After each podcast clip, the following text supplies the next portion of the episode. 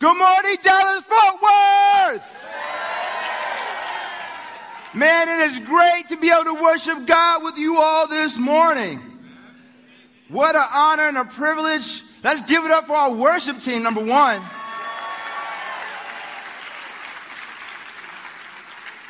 I'm so grateful for the worship team that points us vertical to connect with Jesus. Amen. Praise God. So grateful for just being here this weekend with the Youth Ministers Conference. And uh, I just want to highlight that we not only have people from around the U.S., we have people from all over the world here. People from the United Kingdom, Singapore, Berlin.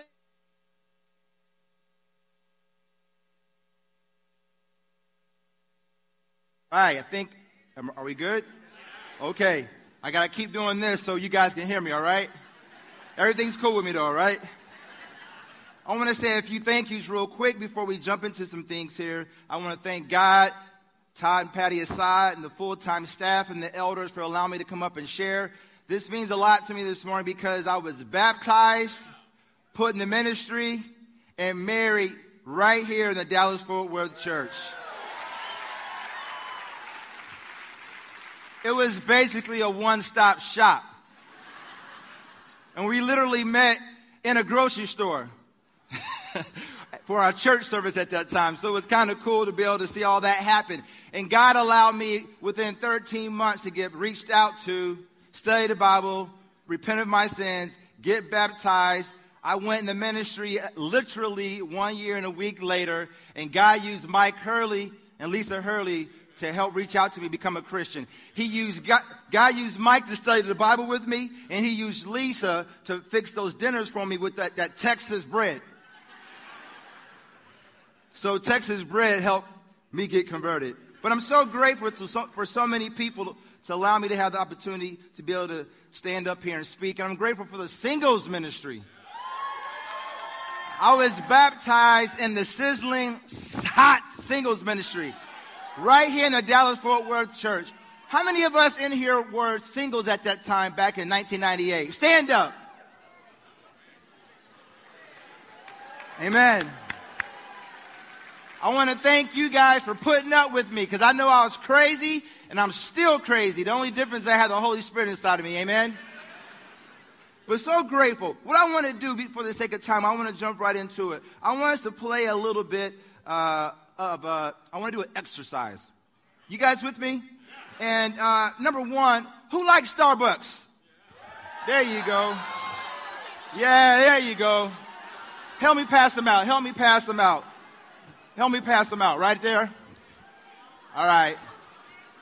There you go. All right. There you go. There they are. All right. I want to start off playing a little bit of doing an exercise here. It's called Speed Fellowship. All right. And we're going to have on the screen, just, uh, we're going to have on the screen for either 30 seconds or for one minute. I want us to mix it up and be able to have some interaction with people. They're going to have some questions on the screen, and you get either 30 seconds or one minute to be able to have some healthy interaction. And I want us to mix it up bridge the gap with all generations. I want some of the mature members to mix it up with a campus or a teen and vice versa. And within that 30 second or one minute time frame, once that time is up, I'm going to say switch, and then you switch it up to find someone else, and then we'll go to the next question, and then we'll do that about five times, and then we'll come back to our seats. We're going to be able to take our, we're going to be able to take our fellowship. Find your person right now talk to. Start the clock. Start the clock. There we go. 30 seconds.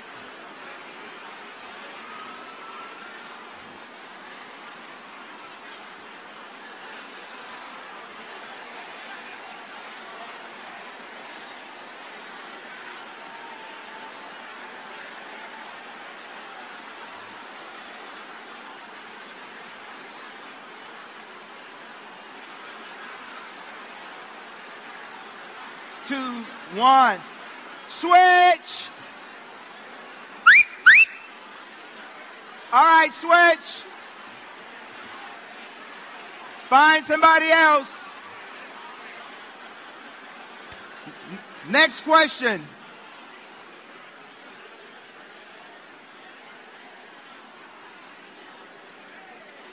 What does Matthew 21 22 mean to you? Start the clock.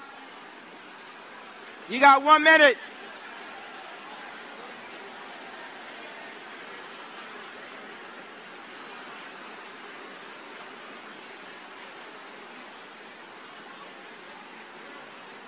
You guys are good.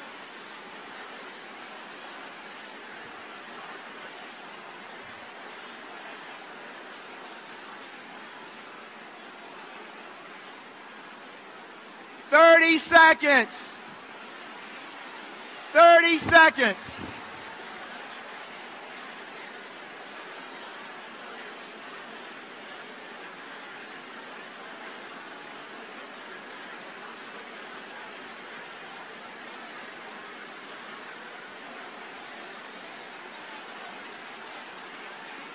Ten seconds.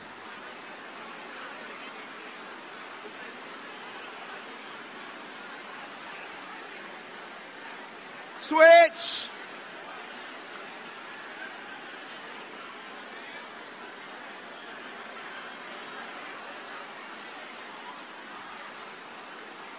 One minute.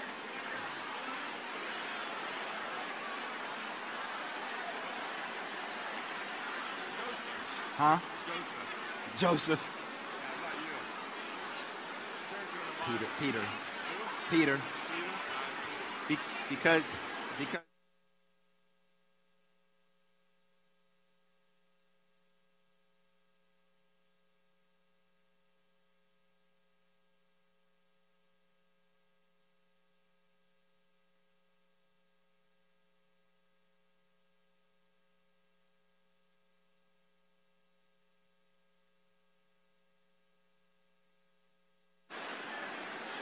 because Fifteen seconds.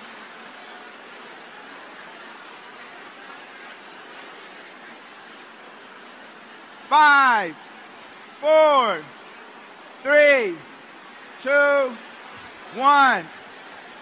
Switch.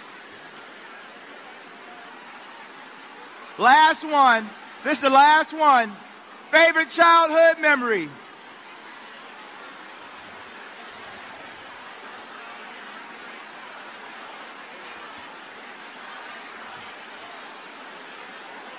This is the last one. Favorite childhood memory.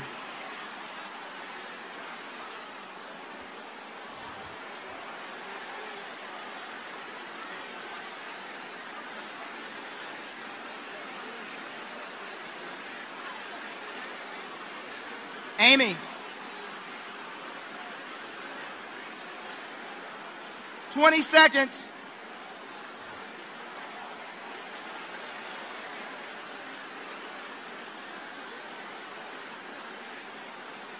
Ten seconds.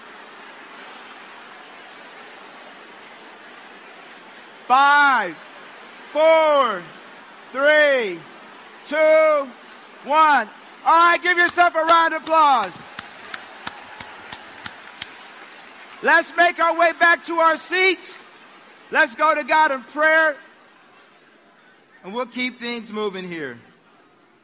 Father in heaven, thank you so much for going out of your way to make it possible for us to connect and to have a relationship with you. Thank you so much for the Dallas Fort Worth Church, helping me, shape me, groom me to help me be where I'm at today. Thank you for many brothers, as Mike Hurley, Todd Assad, Nick and Debbie Young, having a vision for me when I didn't even have a vision for myself, when I didn't even know what you wanted to do through me. Thank you for using many brothers and sisters of men and women in this room to help me get me where I'm at today. Thank you for my beautiful wife, Michelle. Thank you for my daughters, Claire and Ava. Thank you so much for how you work powerfully through your spirit through so many people through walks of life to help us get to where we're at today. We love you. Thank you for Jesus. In his, name we pray. Amen. Amen. Amen. Did you like to exercise? Did you meet someone new? Did you happen to talk to someone you already knew, but you learned something new about them? You know, that's the beauty of God. You know, Proverbs 20, verse 5 says, The purposes of a person's heart are deep waters, but one who has insight draws them out. I wanted to do this exercise because it's a great way to bridge the generation gap. To get connected with people of all different age, races, and backgrounds. And it's a great way to go deep in a matter of minutes. You know, so often we hear people tell us they don't feel just five minutes, we got connected with someone. We were able to find out information from someone and build a fresh new relationship or learn something new about someone we already knew and yet we were able to continue to have some extended fellowship beyond the worship service today. You know, the title of my lesson today is Equipping the Saints. The whole youth and family conference was centered around this teaching of equipping, and I'm grateful for the service team. Amen. You know, Friday night's keynote was to equip to lead. Saturday night's keynote lesson outside the breakout classes was equipped to grow. And this morning we're closing out talking about how to equip the saints, and that involves you the church. You know, Ephesians 4.12 shapes it up for us really well. It says, uh, we are here to equip the saints, the church, for works of the ministry, to build up the body of Christ.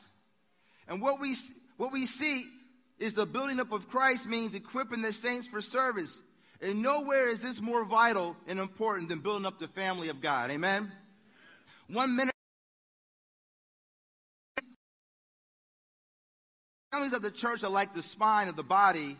We won't be able to stand up unless we continue to make it strong. Turn your Bible over to the book of Deuteronomy. We're talking about equipping the saints today. Talking about I want to talk about have their own personality, cultural, culture, chemistry,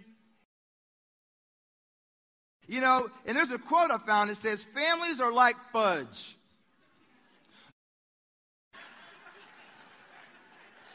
It's true. Some of us come from different cultures, upbringings altogether, socioeconomic backgrounds.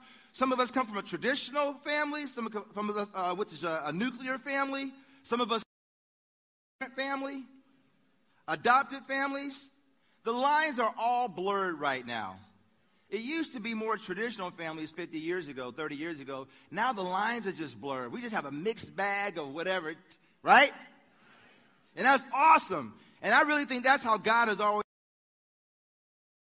The greatest things about television in the earlier days is it helped us place value on the need and desire for family.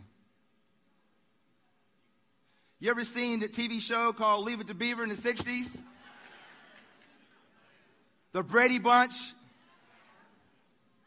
Some of you guys are fronting, but I know we all watch the Brady Bunch. How about the Cosby Show? I know there's a lot of things going on with Bill Cosby, but you know you were watching the Cosby Show back in the day. All of us were. And I, there's so many other shows, and I know there's a host of other culture as a Western culture. And I'm not saying there is not any of watching these shows is whatever problem they faced in the beginning of the episode, in that 30 minutes or that hour, and we got to be the humor from TV. We got to make sure we remember that. Jesus. Amen. All of us together make a pretty decent Christian.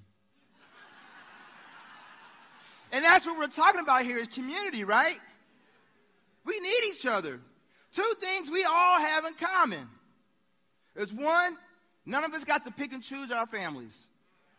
And number two, we all have some dysfunction in our families.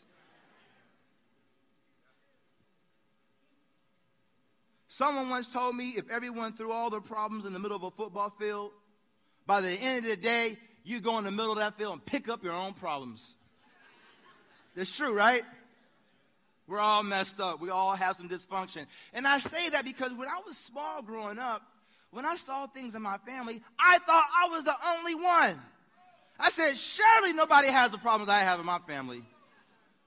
But as I got older and I started connecting and building relationships with people from all over, I was like, dang, you got some problems, man. My problems ain't so bad after all. But, but let me just say this dysfunction and problems are not only in your family, they're also in the Bible. I'll just highlight a few. Genesis 3, Adam chose Eve over God. And that was the beginning of Genesis. Out the gate, we see issues with families. And John Eldredge said in his book, Wild at Heart, he shared about Adam and Eve in his book and said, Men struggled choosing women over God then, and men struggle choosing women over God today. This is one of the reasons why we have a shortage of men in the church. The first homicide in the Bible was between two brothers, Cain and Abel. We see that in Genesis 4. Noah was the most righteous man on the face of the earth in his time. He saved his family, but what did he do? He got drunk and cursed his own son Ham. We see Abraham played favorites between his sons Isaac and Ishmael. Rebekah schemed with her two sons, deceived her husband Isaac. Jacob played favorites between Joseph and his 11 others. David had an affair with Bathsheba, killed her husband, and as a result, started rebellion. What about Eli? Probably the first set of preacher's kids, and they were pretty rot- rotten children. As a matter of fact, they were, right? I mean, yeah, right, here we go. Not you guys, baby girls. But Eli's sons, the Bible says they were scoundrels. They had no regard for the Lord. And then you can, you can look in the New Testament. And I've been wrestling with this for years. Mary and Joseph had baby Jesus. You're carrying the Son of God in your stomach. And then he grows up to the age of 12 years old and he goes to a festival and you leave him for three days? Let me just tell you something. You can leave somebody for three days, but it better not be Jesus.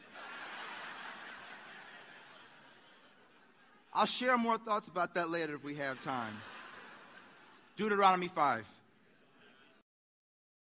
The time up here. Thank you for making that higher because brother about to have a back problems up in here. That's perfect right there. Deuteronomy 5, verses 1 through 5. A little bit of background here. Moses has led the children of Is- out of Israel, of Israel out of Egypt.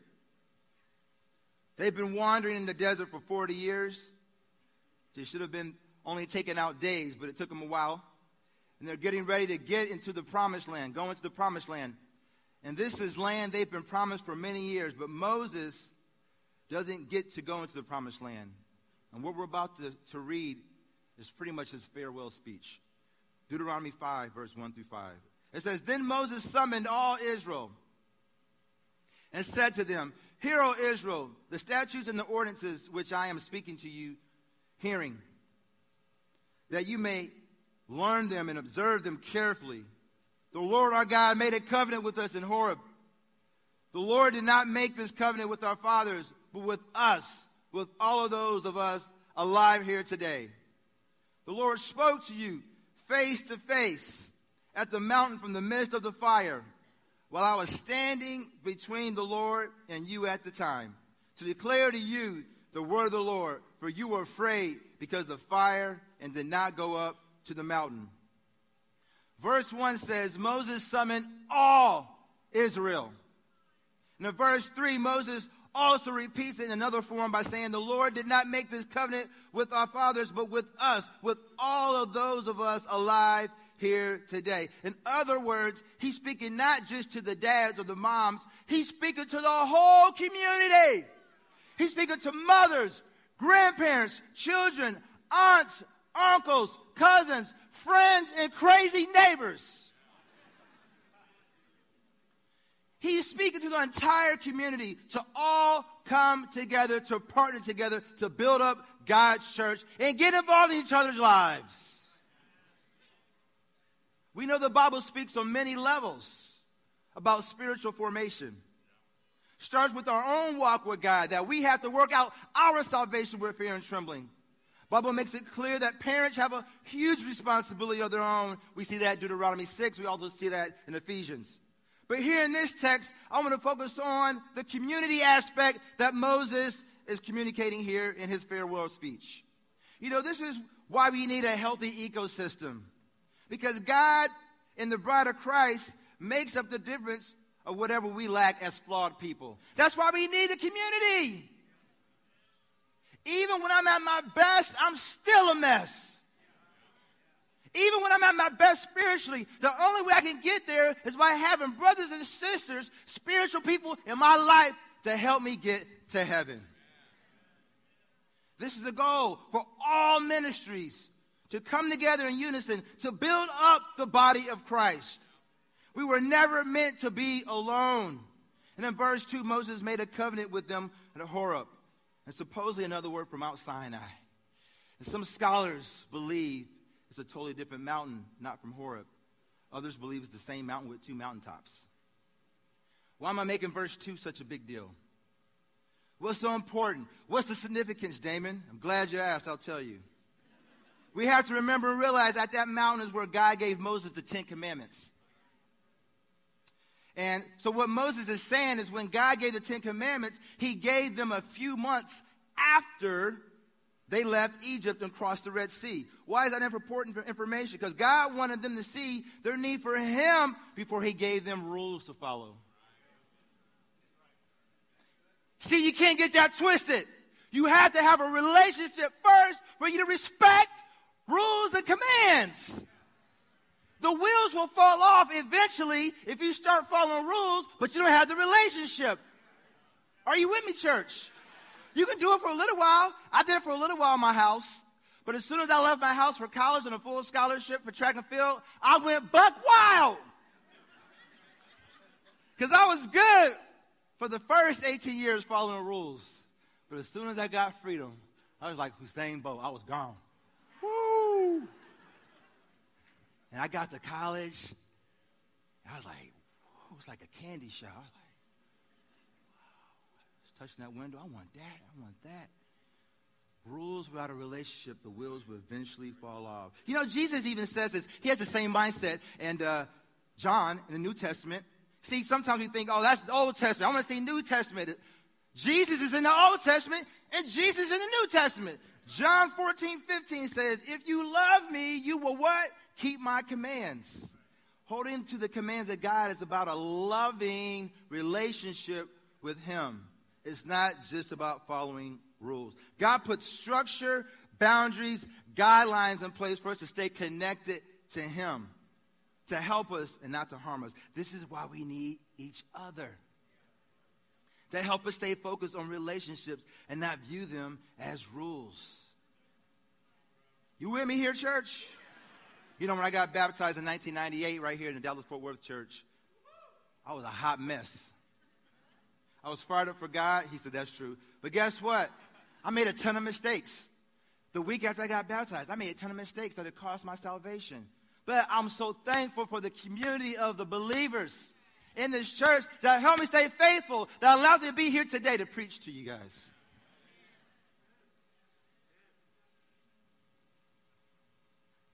Let's fast forward a bit.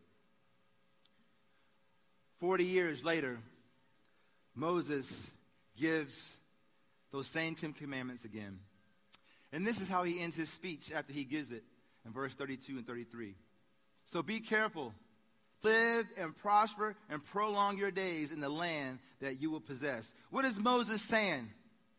You want to prosper, prolong your days in the land you will possess? Moses is saying when we follow God's plan, like Drake,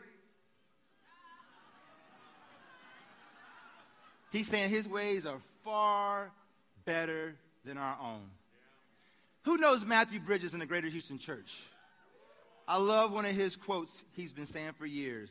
He's, he's a brother in the Greater Houston Church. He said, God doesn't make bad days.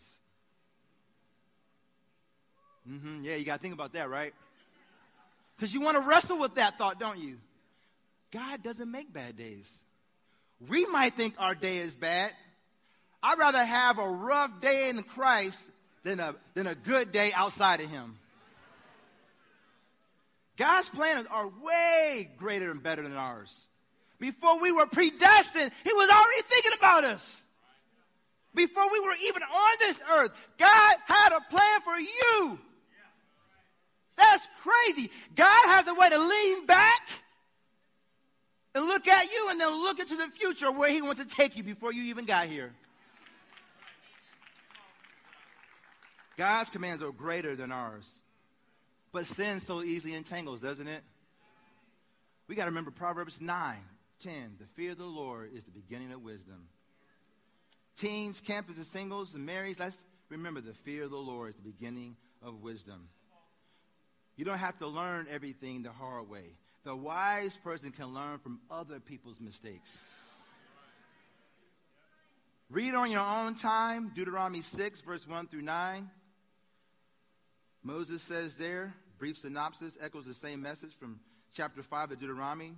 The same way relationships with God, you know, we got to make sure we are building that community relationship in our own homes, impressing the word of God in our children, talking with them, walking with them when they lie down, impressing the importance of loving God with all their heart and strength, and teaching them to obey.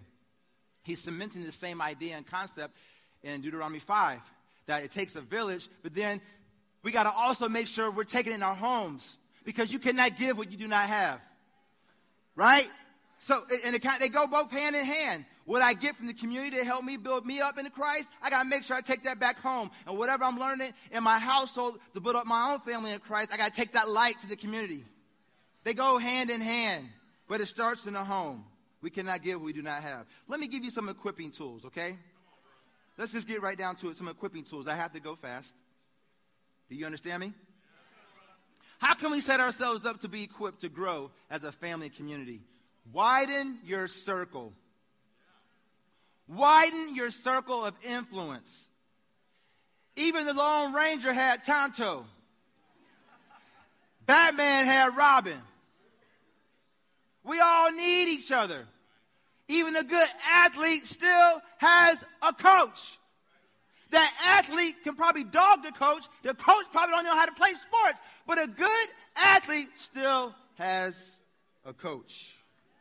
God never made us to be alone, to live in a protective shell from others. His intent was to always build community. So we must be willing to create space for people to come in and influence us. You know, widen your circle. God just doesn't want us to be around people. What do I mean? We can come to church with an appearance that people are in our lives because we're around people. But some of us in this room, we're around people. We don't have anyone in our lives, though. And we can look the part. So God wants us to be in each other's lives. So, how do we do this? How do we widen the circle? First thing I want to kind of share is we have to pursue modeling humility. Pursue modeling humility. When you do this, you actually become smaller because you see other people influence in your life is greater than your own influence for yourself. You are, no, you are no longer the dominating figure. You've humbled yourself by seeing others, the need for others in your life. When we model humility and vulnerability in the home, this actually allows people in your life. It's no longer just an appearance. You actually value people in your life. And let me just say this there is no downside to humility.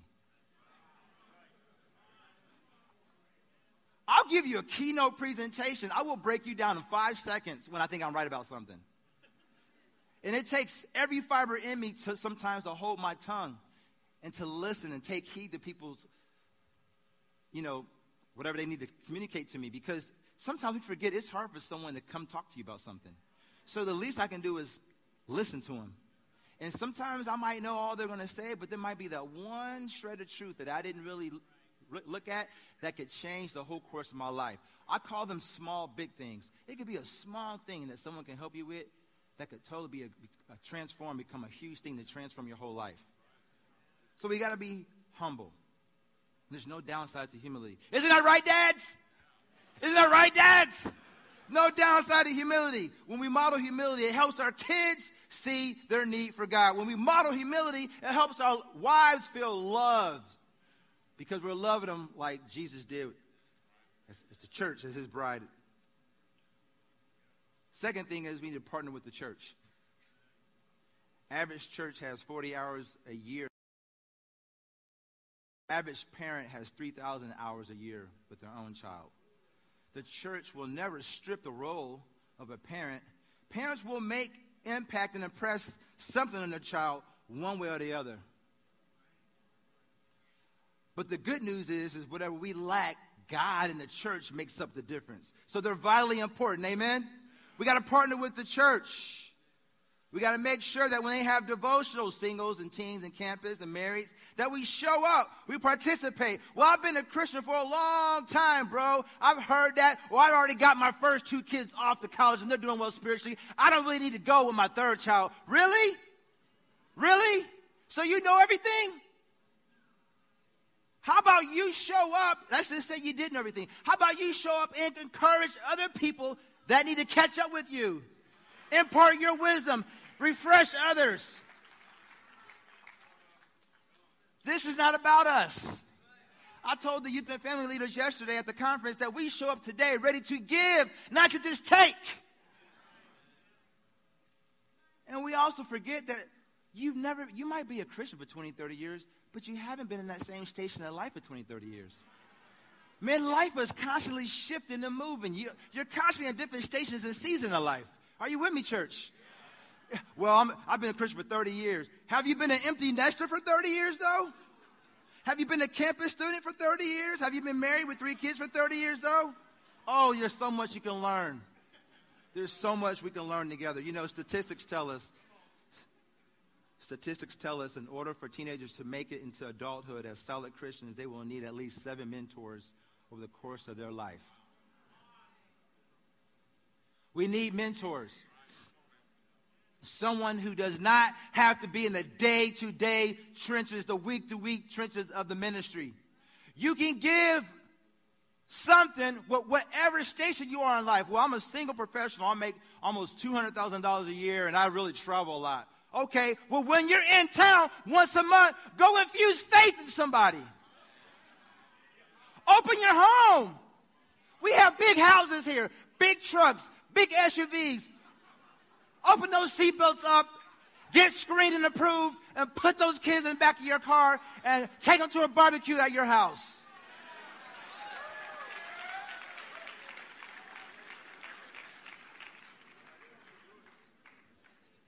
You want to get married single?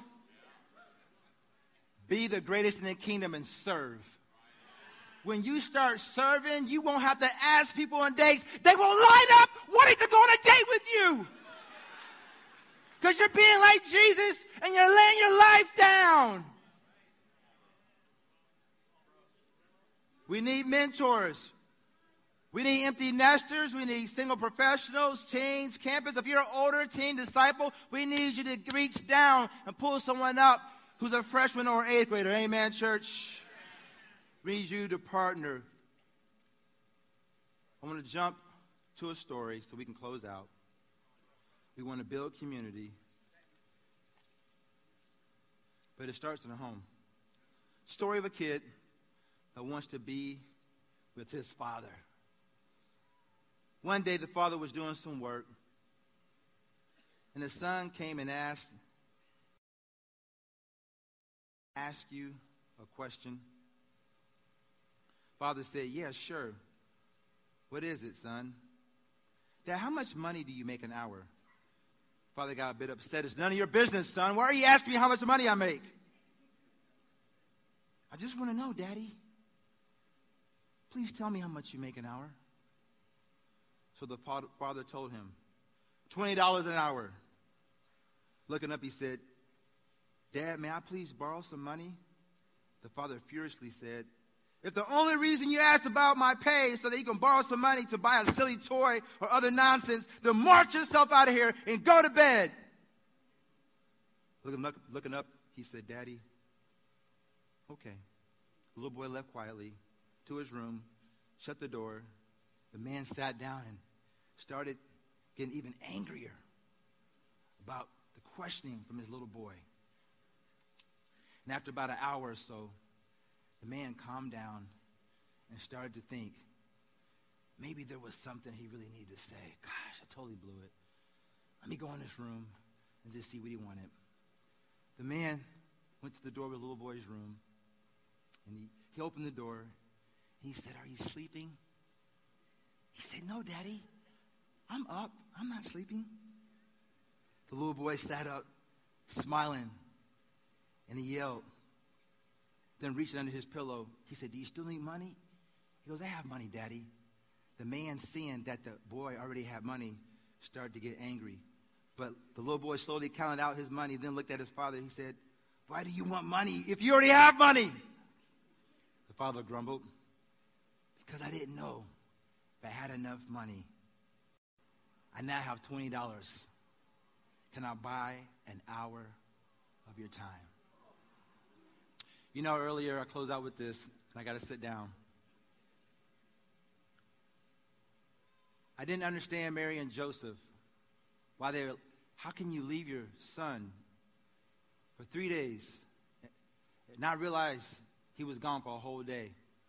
And then a buddy of mine named Sam Inarito, he preached this sermon. He said, perhaps it's not because Mary and Joseph were the greatest married couple and parents. Perhaps they had issues, but maybe they were able to leave Jesus out there and not care because of the community. Because the community, he trusted them, he loved them, they knew his character, they knew they knew each other's hearts, they prayed together, they broke bread together, they were in each other's homes. So, so, if, so if I lose myself for a day, is that a big deal? Because of the community of believers. Let's let's remember to model humility, because there's no downside to humility. And lastly, let's partner with the church to God be the glory. At this time, we're going to pray. We're going to take communion. The only way we can have this type of sweet fellowship and community, it comes. Let's give due honor and respect to him. Let's take some time to meditate and pray. The ushers are going to come down the aisle. We're going to take communion, and then we're going to continue to have some great worship and some great community time with each other. God bless you. Let's pray. Father in heaven, thank you so much for always sending your son Jesus to go first. There is nothing that he has done, asked us to do that he has not already done himself. Thank you so much for sending your one and only boy to die on the cross so that we can live and have a relationship with him. We love you, we thank you, and we pray that we can build community with you with each other. It's in Jesus' name we pray. Amen.